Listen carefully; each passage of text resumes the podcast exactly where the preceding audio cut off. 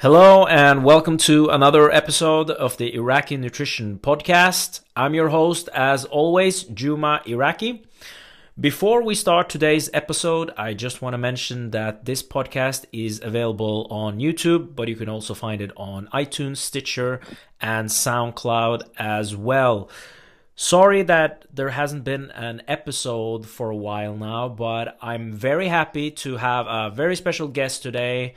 She's uh, one of my colleagues at Academy for Personal Training, and we've been actually trying to schedule this podcast several times now uh, during the last couple of months, but there seems to be stuff coming up all the time. But finally, Melina, we made it. Yes, we finally made it. We're both busy people, it seems. yeah, but I'm glad we finally got a chance to to do this. Uh, podcast today. So, before we start, I also want to mention that we recently uh, started an Instagram account, Iraq Nutrition, a couple of months ago, which has been going very well. We have almost 22,000 followers at the moment, and we frequently post um, infographics related to training, nutrition, supplementation, and fitness related stuff. So definitely give that uh, check out and follow us. So, Melina, Melina Magolas is the name, which you're originally half Norwegian and half from Greece. That's that right. Correct? Yeah. Uh, and you've also been representing the Greece country skiing lately. Is that correct? I've been uh, spending some time in Austria representing Greece in the Nordic World Championship in cross country skiing, which is a little bit exotic uh, when you come from Greece, I guess. But it was a great experience to be able to take part in a world championship. Excellent. And uh, my understanding is that you did quite well in that uh, championship well, as well. it depends. Uh, it depends on the context, but uh, well, as you know, Juma, I spend a lot of time at work, which I love. So skiing is not really my main priority. It's, mm. it's just something that I do on the side. So in that context, I did pretty well. Yes. So I would say I'm a semi-professional skier, not yeah. Awesome. Professional. I think maybe your husband was a bit uh, uh, more satisfied with the results as he is the Norwegian Norwegian head coach for the cross country skills for for males. That's true. They took all the goals that you could possibly win in the championship. So, of course, he was thrilled and it was great to have that experience with him. Uh, he's also coaching me, and we were there together and experiencing getting all those goals, and his athletes doing so great. It was just amazing. Yeah, I can imagine. And funny how such a small country as Norway being so dominant in a sport like cross country, it's it's it's it's quite amazing. It is, it is. But uh, I guess we're doing something right up here in the north. Yeah, absolutely, absolutely. So today's topic is we're going to talk a bit about, or we're going to talk about concurrent training. Yeah. You, with your uh, background, have a lot of uh, um, experience and also a lot of knowledge about endurance training. So I think this will be a great topic. But before we start with the questions, could you give the listeners uh, introduction about yourself? Absolutely. So, as you said, Juma, I'm uh, here based in here in Oslo, half Greek, half Norwegian, and my academic background is uh, in sports science, primarily in exercise physiology, but I also have also dabbled in uh, biomechanical research. Uh, so I have a master's degree from the Norwegian School of Sports Sciences. And after my master's degree there, I continued on with research in a biomechanics group, uh, studying the muscle tendon unit system primarily and how it adapts to a training modality called stretching, which is a completely different topic from today. And aside from that, I on, on the day-to-day basis, uh, I work as an exercise physiologist at a place called Magnat Center in Oslo, Norway, and it's a an interdisciplinary center with doctors, psychologists, and exercise physiologists like myself, coaches, and we take care of athletes, uh, the average Joe patients, yeah, everyone who needs help with their health and performance. And I also have the great pleasure of working with you, Juma, uh, at uh, the uh, Academy for Personal Training, and um, love lecturing and and also public speaking and just uh, communicating uh, and discussing with others about uh, all the topics that I'm passionate about, but especially human performance and especially endurance training, which is part of the topic today. So I guess that's that's the most important things, I guess. Excellent. And I think we both agree that probably the most enjoyable things we both do is doing the lectures for Academy for Personal Training. Not because you get a chance to present on on topics you're really interested in, but also you get to meet a lot of fun people. You get a you get great students, great colleagues, uh, and great owners. Absolutely, and it's not just it's not just the thing that we want to you know stand there and take the spotlight and be the stars of everything. Uh, it's not the standing in front of the people part that we love. It's like you say, we meet the students and they will come up with questions that challenge us and will make us think twice about things that we probably perhaps accepted as common knowledge. So it makes us. I think they keep uh, they keep us on our toes a little bit, and uh, it's also a great help remembering all the details that you. Well, some of them, let's be honest, you would, would have forgotten them if you wouldn't have, if you weren't teaching them. yeah, absolutely. Like yeah. take, take biochemistry for example. I literally had to find my old biochemistry books and read up on a lot of things that I hadn't even touched on during I haven't touched on those things probably since I did my undergraduate, but when I started lecturing for AFPT, I had to refresh a lot of these things because that's one of the topics that I do uh, lecture in. So definitely agree with you on that. So let's jump into the questions and let's start with defining what actually concurrent training is. What are we talking about when we say concurrent training? Yeah, so concurrent training, it deals with, um, um, it has to do with what I would call actually real life, real world training because it's uh, for, a form of training where you incorporate several training forms or training modalities, if you will. So it can be uh, you have both strength training and you're incorporating endurance training in the same session. That would be an example of concurrent training. Concurrent training can also be, uh, let's say you have two different training sessions on the same day, and one of them would be endurance training, and the other one would be perhaps strength training uh, and or even in the same period. So it is about incorporating different training modalities in the same period. It could be a mesocycle, for example, or on the same day, or perhaps even in the same very session. So it's about mixing things up a little bit. And I guess that's how a lot of people train in in the daily life. Yeah, I, I would agree on that, but specifically athletes do train, even though you're primarily an endurance athlete or primarily that's what you do uh, as a sport, there's often also a, strength component to the type of training that you do. Probably more now than it used to be uh, previously in a lot of sports. Like, for example, soccer is a good example where there wasn't really a lot of culture for doing a lot of resistance training previously, but now it's been more of the of the main standard of actually doing more resistance training, even though they're training for like endurance is mainly what you're looking for when you're when you're a soccer player. Depends on the position, but yeah, absolutely. And I think all um, all sports have the strength component that you mentioned, and also now more than than even just let's say five to ten years ago,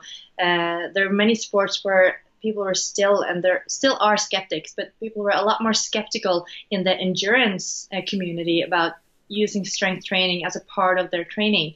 And um, I guess perhaps it's rooted in some old fear of uh, gaining muscle mass and you won't run fast enough or something like that. But now more and more endurance athletes, both runners and skiers, uh, and in all kinds of endurance type sports, will incorporate strength training as a part of their their training week because they experience and we know now that it will enhance their performance and it could possibly uh, help prevent injuries as well. So more and more athletes are training concurrently. Interesting. Mm.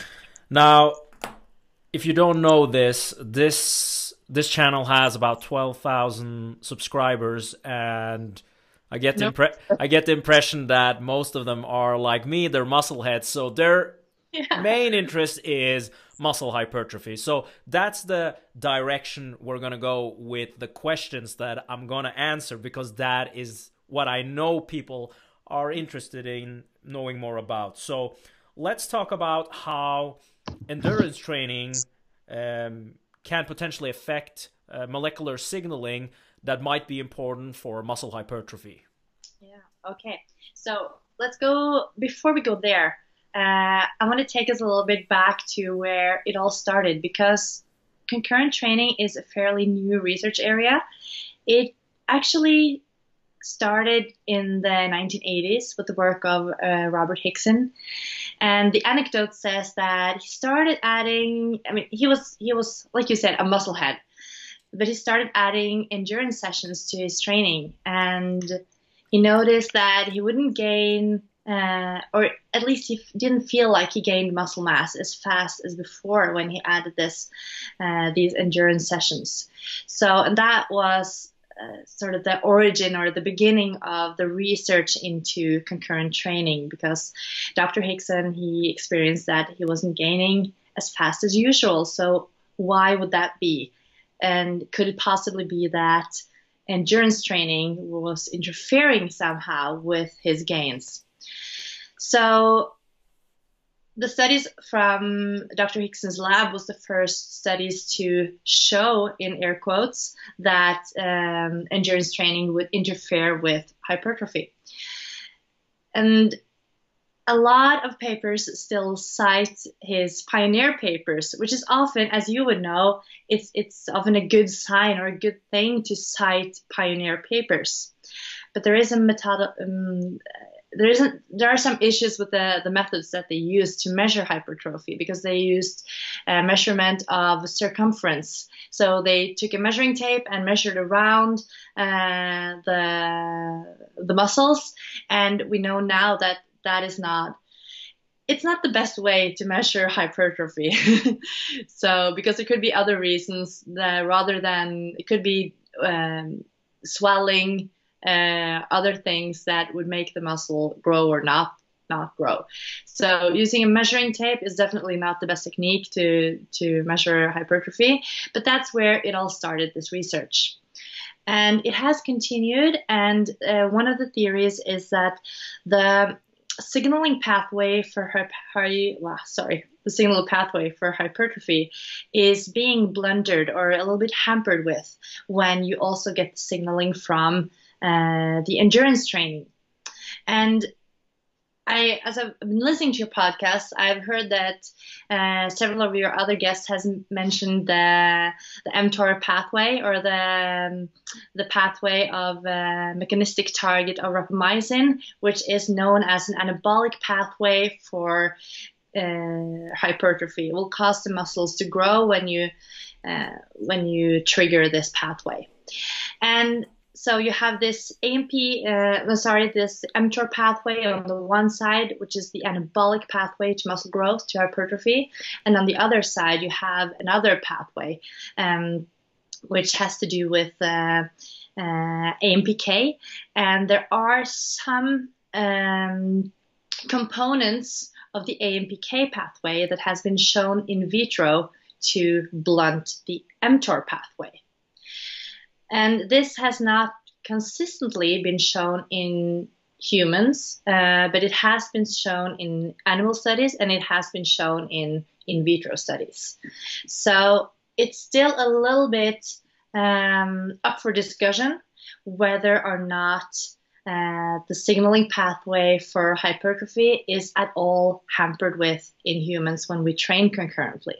So that was a long explanation, uh, but there is talk of what we call the interference effect, and that has to do with um, the fact that training one uh, training modality uh, or one training form, such as endurance type training, which is um, which is known to trigger more catabolic pathways concurrently with an strength training uh, regimen could perhaps uh, hamper with the, uh, the hypertrophy or strength effects. So, in conclusion, or at least we can conclude that this is the case yet. But so there are some studies that will uh, tell you that um, uh, you will not gain muscle as fast as uh, with concurrent training uh, as opposed to training only resistance based training.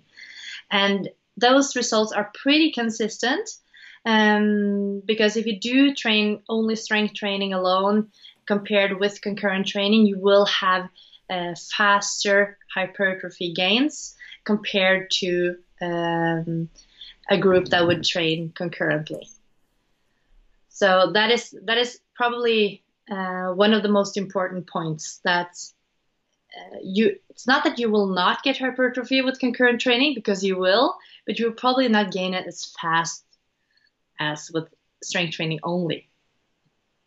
Great. That was a great uh, explanation. Uh, i do have some follow-up questions regarding ampk uh, and i know this is not your area but nutrition wise do you mm-hmm. know if any of these macronutrients have an effect on AMPK? Because we often talk about carbohydrate replenishment or glyc to, to replenish glycogen after training, and we do know that we don't decrease our glycogen stores as much when we do strength resistance training compared to endurance training. But do carbohydrates have an effect on AMPK and that might lead on to have a, a better effect for the anabolic signaling. Do you know anything about that? Well, you're right. That is not my area, Juma. uh, I actually haven't looked into the nutritional uh, uh, or potential nutritional responses uh, to whether or not you increase MPK or you blunt MPK pathway with different different nutritional uh, strat- strategies. Um, so I I couldn't answer that. Uh, I so, so, sorry for putting you on the spot. Yeah. No, let's no, move no, on. Let's let's move on to the next follow uh, regarding um, regarding fiber types. How would that um, affect when you do concurrent training? Uh, well, uh, if you think about, in terms of hypertrophy, in terms of growth, yeah, yeah. Um, well, in terms of, uh, well, I don't know that you would have different, uh, that you would have uh, different uh, responses to, uh, for example, resistance training uh, with concurrent training, mm-hmm. because um, um, I haven't seen any studies that would show that. Um, you have more hypertrophy in one fiber type or the other. And there's also uh, a different uh, topic to study. There's also a lot of issues with uh, how you study fiber types. Mm-hmm. So I, I don't think we can say for sure in humans that uh, concurrent training would affect one type uh, fiber type more than the other, as uh, opposed to strength training alone. Perhaps you you have some some different knowledge than me. I don't know. No, no, no. I'm just I'm just asking.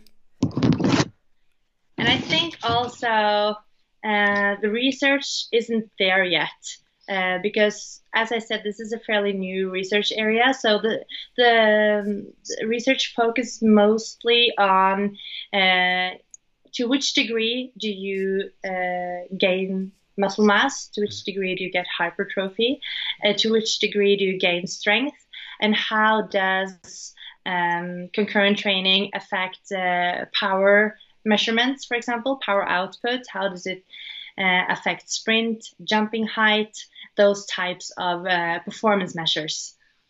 Interesting. but, but there is there is definitely definitely a, uh, uh, a want and need for for more uh, in depth and even more detailed research. And I know there's research going on on expression on different types of uh, myosin uh, and also on gene expression. So I think there will be a lot more coming.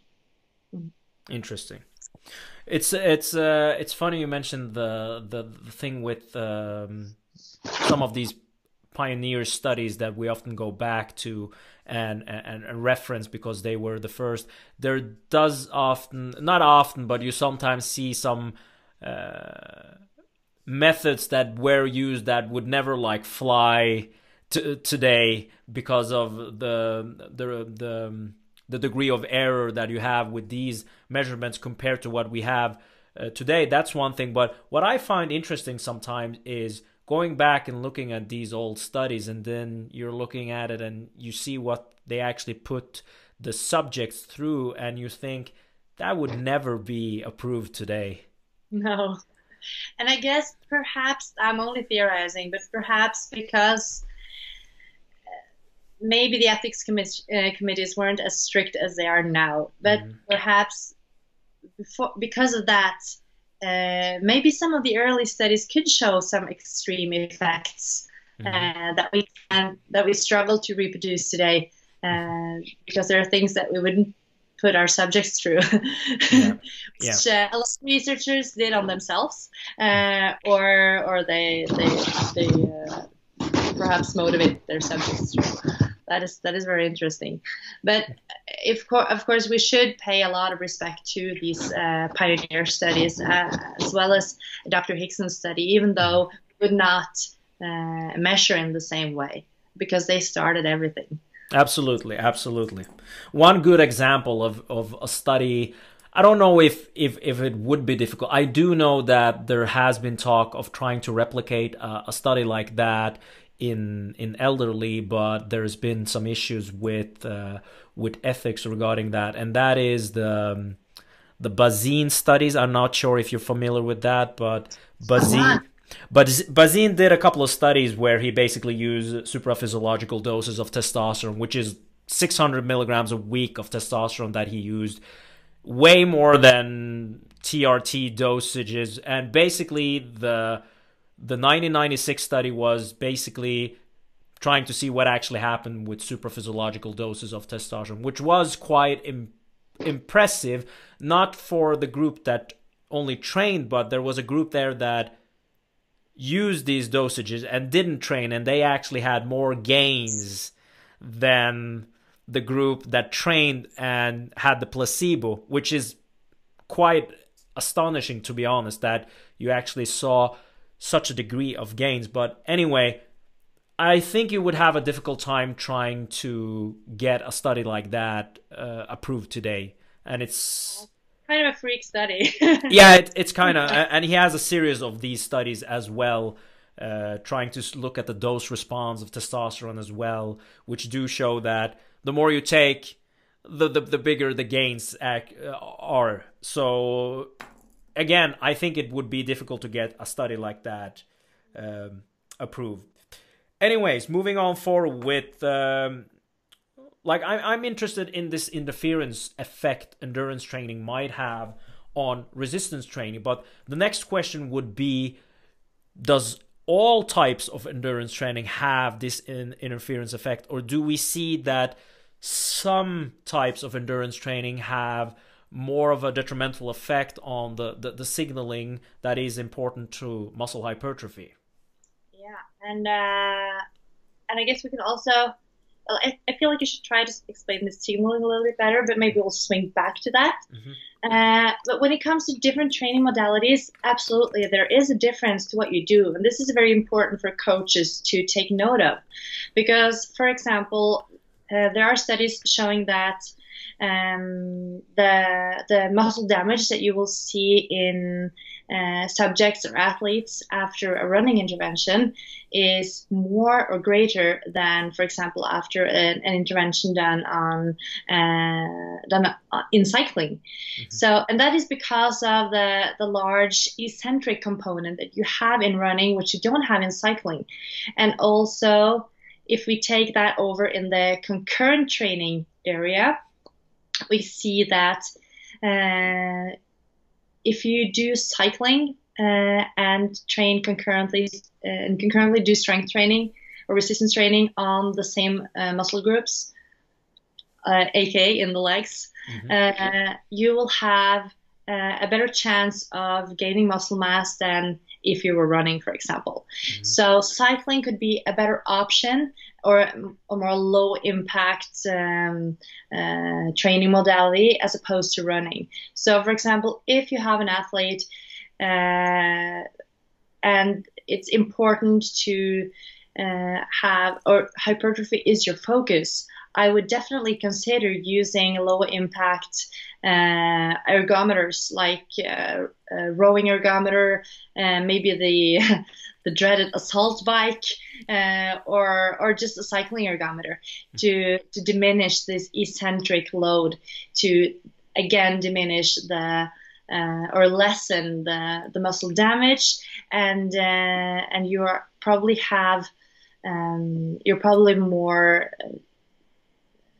what can I say you, it's more, more likely that you it will help you uh, gain muscle mass while you're taking care of also your endurance capacity if that was important. So for CrossFitters, for example, this could be an excellent uh, uh, excellent choice. Also for bodybuilders, we know that it's important to do some type of uh, endurance uh, or cardiovascular training for, for health reasons and health benefits. So maybe the cycling ergometer is is the go-to uh, when you want to preserve, take care of, and enhance your muscle mass. Interesting. And what about um, does does intensity matter? Because I know a lot of bros will probably think, or I know a lot of bros will will will uh, will have this question: How much is my fasted morning cardio affecting my training? That's one. Let's start with that, and then I'll move on to a couple of other bro questions that I know of. Absolutely. Well, I won't ask, answer for the nutritional side of part of the, or part mm-hmm. of things because you can fill in much better better than I can there. Mm-hmm. Uh, intensities seem to do matter, and I've uh, seen some of the work by Jackson Fyfe. I think it was some of his studies, mm-hmm. maybe. But anyway, check out Jackson Fyfe studies, folks, if you're interested in reading more about concurrent training. I mm-hmm. think these are some of the studies anyway, um, where two groups were compared. One was doing uh, moderate continuous training, and the other one was doing high intensity interval training, while concurrently doing uh, strength training in a in a hypertrophy protocol. And the group that did the continuous um, uh, training in moderate intensity did not gain as much muscle mass uh, in the same rate uh, as the group that did the uh, high intensity interval training. And actually, what they saw in the high intensity interval training group was that the mTOR phosphorylation increased. And mTOR is the signaling pathway for hypertrophy. And when you upgrade the mTOR pathway, it will the, the end result uh, could be that you increase muscle protein synthesis. So actually, it could it may be that high intensity interval interval training can promote hypertrophy. Maybe this is like taking it a little bit too far in mm-hmm. theory, but at least they saw this uh, increase uh, in mTOR phosphorylation, which is sort of an anabolic sign. So, Interesting. So I mean, you could do higher intensity for less time and uh, probably get more, uh, get better cardiovascular um, effects mm-hmm. and possibly further enhance or at least not hamper with your uh, your gains. Interesting. Now I know I know another question that probably people would want an answer to is when we're talking about interference with with muscle hypertrophy, uh, are we talking that it can potentially uh, affect the whole body, or is it locally to the muscle groups that being worked? So, for example, if you're doing a lot of um, endurance, like a, a lot of running or endurance where you're using a lot of legs, are we seeing that it might affect the gains in your legs, or can it also affect the upper body? That is a very good question. A question that I get a lot actually. Mm-hmm. Um, the answer is it seems to be locally, because um, well, ex- let's take an example.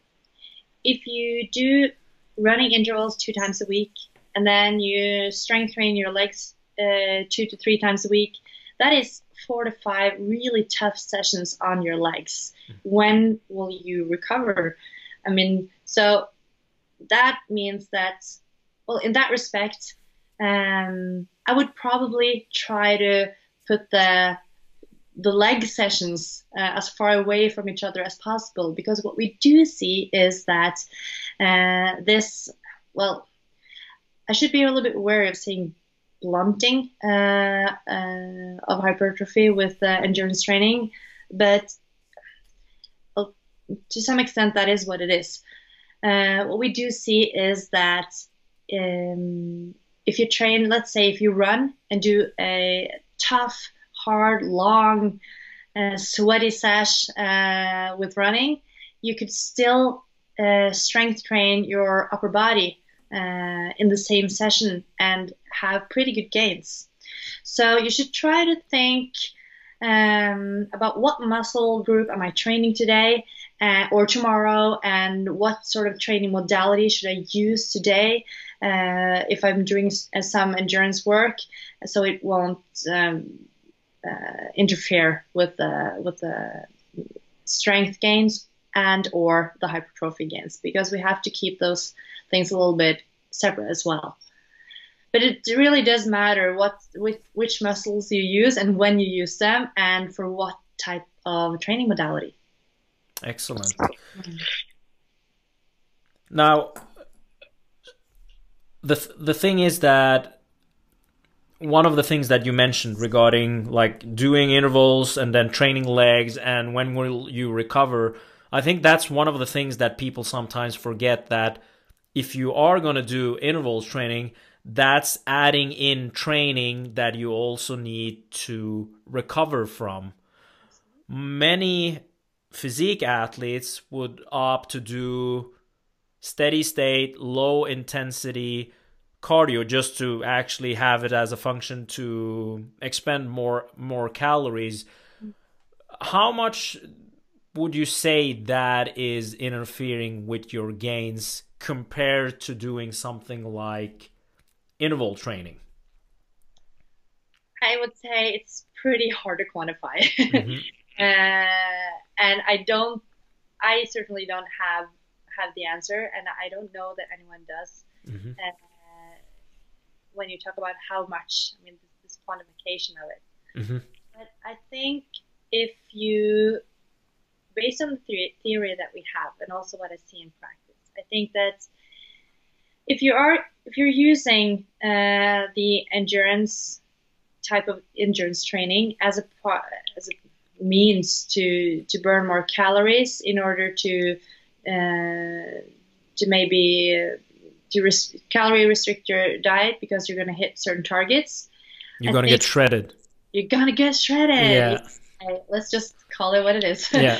yeah, to get shredded, mm. basically. I think uh, interval training is a lot more clever and faster way of doing that because when you are doing any type of aerobic activity, which is what we're doing right now, this is aerobic or aerobic training Mm-hmm. For example, the typical bodybuilder uh, workout, which is, for example, being on the elliptical for 45 minutes with a low intensity. Mm-hmm. You won't burn much because using one liter of oxygen, oxygen it takes it takes some time, and uh, one liter of oxygen expended is five calories. But if you increase your oxygen uptake and you can you can do a you can do a larger work, you will use more calories per time. So if you improve your uh, physical form, I mean by that I mean your cardiovascular fitness, you can do larger work and you can expend more calories in the same amount of time, or uh, you can expend more calories than before in a shorter amount of time. So if it's about the calories, it's a lot faster and healthier, I would say, uh, to use high intensity interval training. But what I would do then is recommend uh, elliptical cycling, something with low impact. That would be an important point. And um, and if if more studies will in fact um, uh, confirm uh, this possible added bonus with the mTOR uh, phosphorylation, maybe that will be uh, an even better way to go with the to go with the interval training. I think this uh, this long or long this continuous um, endurance training on a low intensity in the fat burn zone, you could say. I think it's more rooted in tradition than than actual scientific knowledge. Hmm. Interesting. That's a great, uh, great explanation, and great answer. Moving on to the next question. Let's say if you were to do both, uh, how would you structure that to make it not like minimize the interference effect of the two types of training? So it of course it depends on on the training frequency uh, on on the athlete or the person. Uh, I mean, what what is their main focus? But let's say hypertrophy is the main focus. Mm-hmm. Uh, well, we don't know really, uh, and there isn't that much proof that uh, that doing quite a lot of endurance training will at all affect hypertrophy. But we know it will affect strength mm-hmm. uh, because we see quite good hypertrophy gains uh, in groups that have been doing substantial work uh, in the endurance field as well. And we see that in athletes uh, also that has both a strength component and an endurance component in their sport. So for hypertrophy, I wouldn't be all that worried unless you all of a sudden start to I mean, you get very interested in doing triathlons and Ironmans, and and you still want to preserve the muscle mass. I would see, I would say we might have a little bit of a conflict, but unless unless it's extreme uh, amounts of uh, or large amount of endurance training, I would not actually be worried about hyper- hypertrophy at all. But if we're talking about strength, I would be a lot more conscious about where I would place the workouts. So I'd, I would try to place, um, uh, especially the the leg workouts. If you're doing cycling, running, uh, any type of uh, weight bearing endurance activity, I would try to place those uh, sessions uh, as far away from the strength sessions as possible. I would do the strength session in early on the day or in the morning if you're doing two sessions a day, if you're so fortunate that you can do that. Uh, and do the, the an endurance session in the in the evening. And also a general recommendation that I see a lot of uh, both coaches and researchers fall back on all the time is the six hour rule. That you should have at least six hours in between the sessions uh, for optimal gains in both types of, of training, both endurance and resistance training. So at least you can think about that, the six hour rule, and also placing the workouts uh, as, far, as far away from each other as possible. But with that being said, a lot of people use concurrent training because they are they're strapped for time, mm-hmm. are time bankrupt. And I get asked a lot, and I also been speaking a lot about uh, you know how can we how can bank time bankrupt athletes and time bankrupt people in general how can they